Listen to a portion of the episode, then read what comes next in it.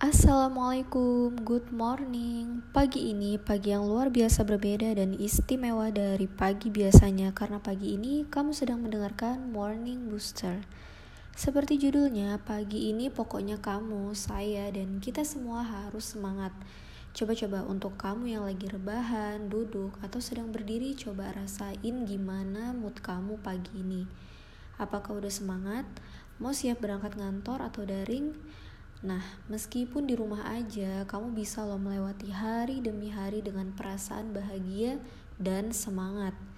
Caranya ya cukup sederhana, tapi mungkin berat bagi sebagian orang, terutama diri saya sendiri. Ya, yaitu dengan bangun lebih pagi. Nah, aku mau tanya nih, menurut kamu bangun pagi itu dilema gak sih?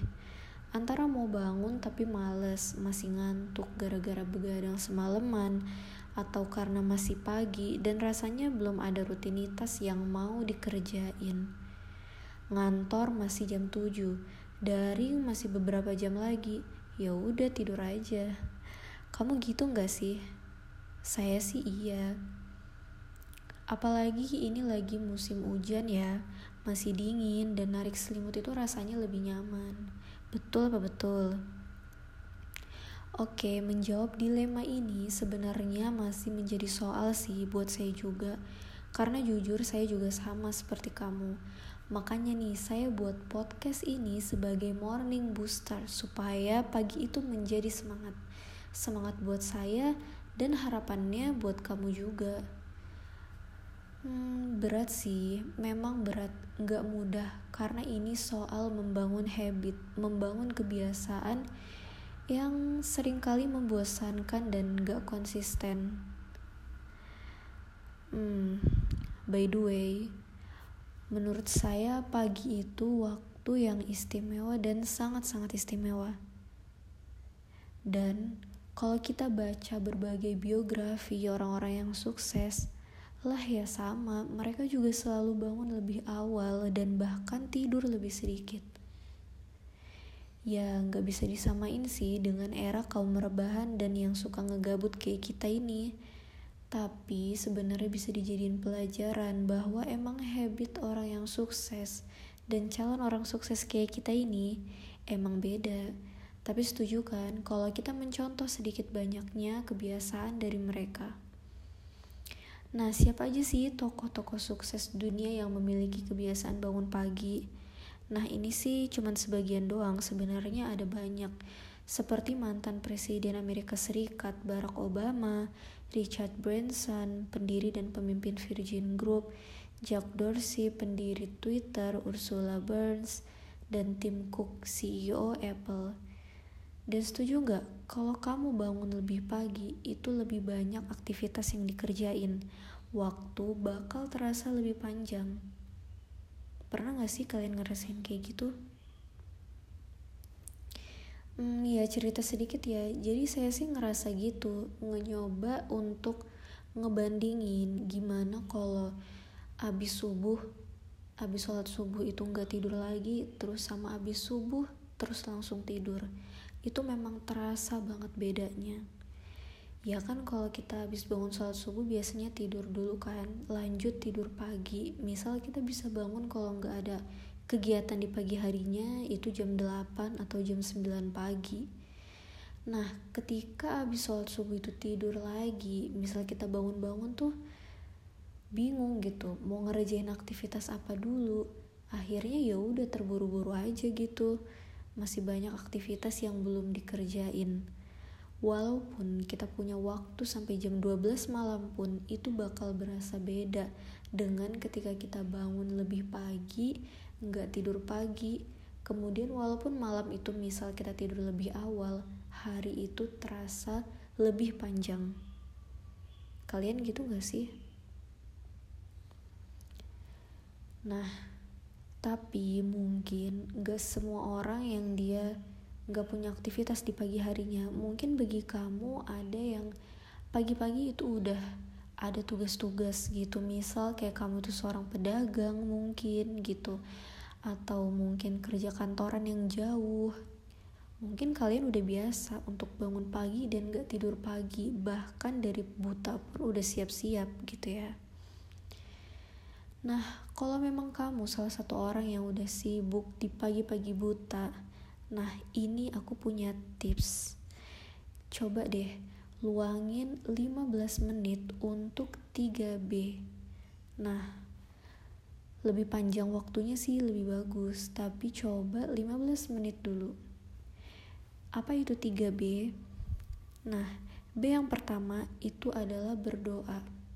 Nah, pastinya ketika kita sholat pun itu adalah waktu kita untuk berdoa.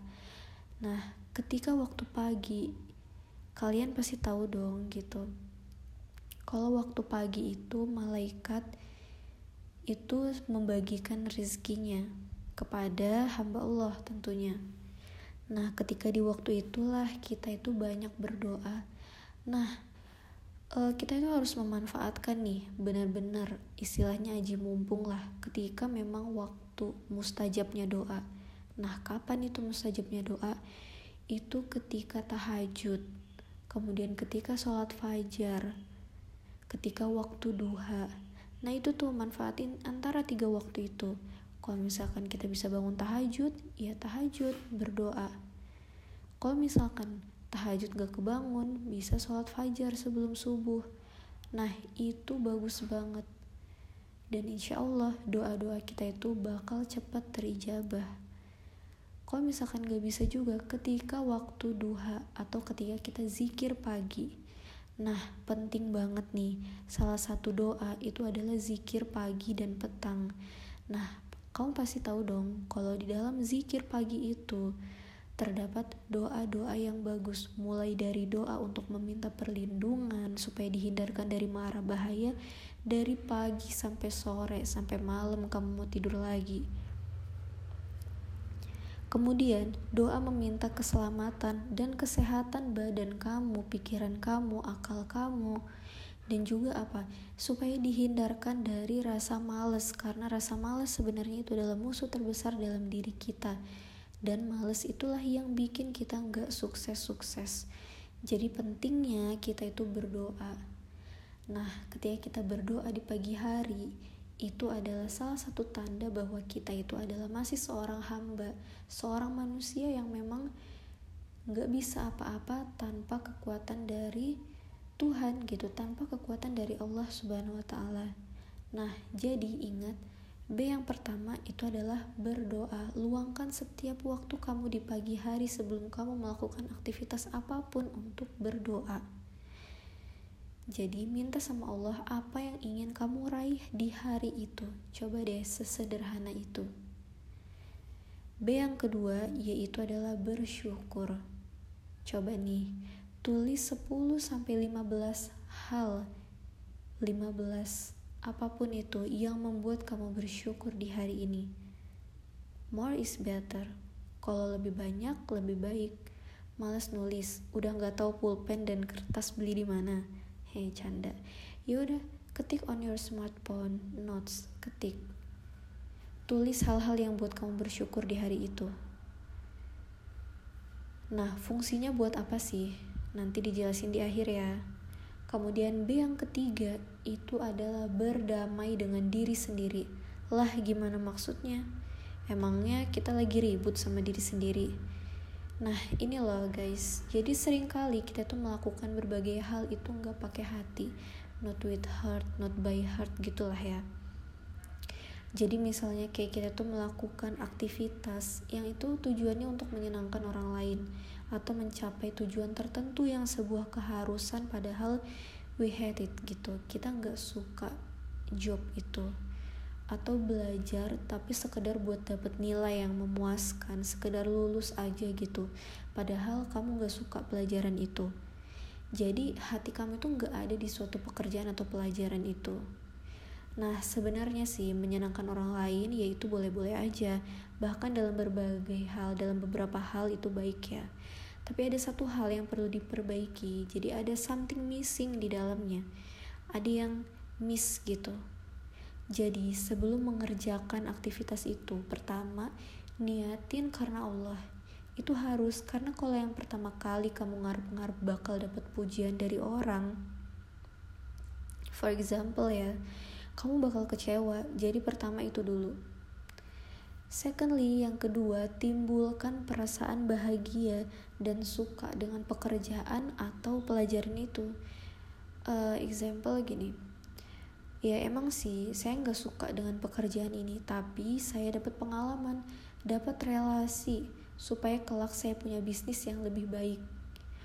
Oh iya, saya nggak suka sama pelajaran matematika, tapi kalau saya belajar lebih giat, saya bakal menguasai kelak mungkin saya bisa jadi guru atau dosen matematika gitu. Nah, ketika kamu nemuin trigger point, jadi trigger point ini, insya Allah apa pun yang kamu kerjain bakal menuai keberhasilan dan kesuksesan. Karena ada dalam lingkup perasaan bahagia di dalam hati kamu. Jadi itu, berdamai dengan diri sendiri. Nah, jadi ada salah satu quotes dari motivator favoritku dari USA yaitu Joe Vital. Jadi quotes beliau, If you give positivity, you will receive back positivity. Jadi apa? tebar dulu positive thinking, positive feeling, positive insight untuk orang lain, untuk lingkungan, untuk dunia ini, maka semua itu bakal balik ke diri kita. Kita bakal lebih bahagia dan lebih sukses. Itu sih poin dari kesuksesan. Jadi kalau kita nebar hal-hal yang positif gitu, kalau kita itu nebar kebahagiaan, terutama untuk diri kita sendiri, orang itu bakal ngerasain gitu kalau kita itu dalam keadaan bahagia tapi kalau kita udah negative feeling negative thinking overthinking nah hal itulah yang sebenarnya bakal balik ke diri kita oke di sini bisa didapetin ya poin-poinnya nah kalau bisa kalian catet nih dan kalian lakuin ini besok pagi gitu nah dan satu poin penting lagi, kenapa sih kita harus melakukan ini di pagi hari? Karena perasaan ini tuh bakal mudah kita dapetin ketika kita bangun lebih pagi. Sekitar jam 4 sampai jam 6 pagi lah. Karena saat itu kan sepi, belum banyak hiruk pikuk kendaraan, belum banyak suara anak-anak yang mungkin mengganggu, belum ada suara emak lagi masak di dapur dan berbagai gangguan lainnya. Karena pastinya jam 6 ke atas itu manusia sudah pada beraktivitas kan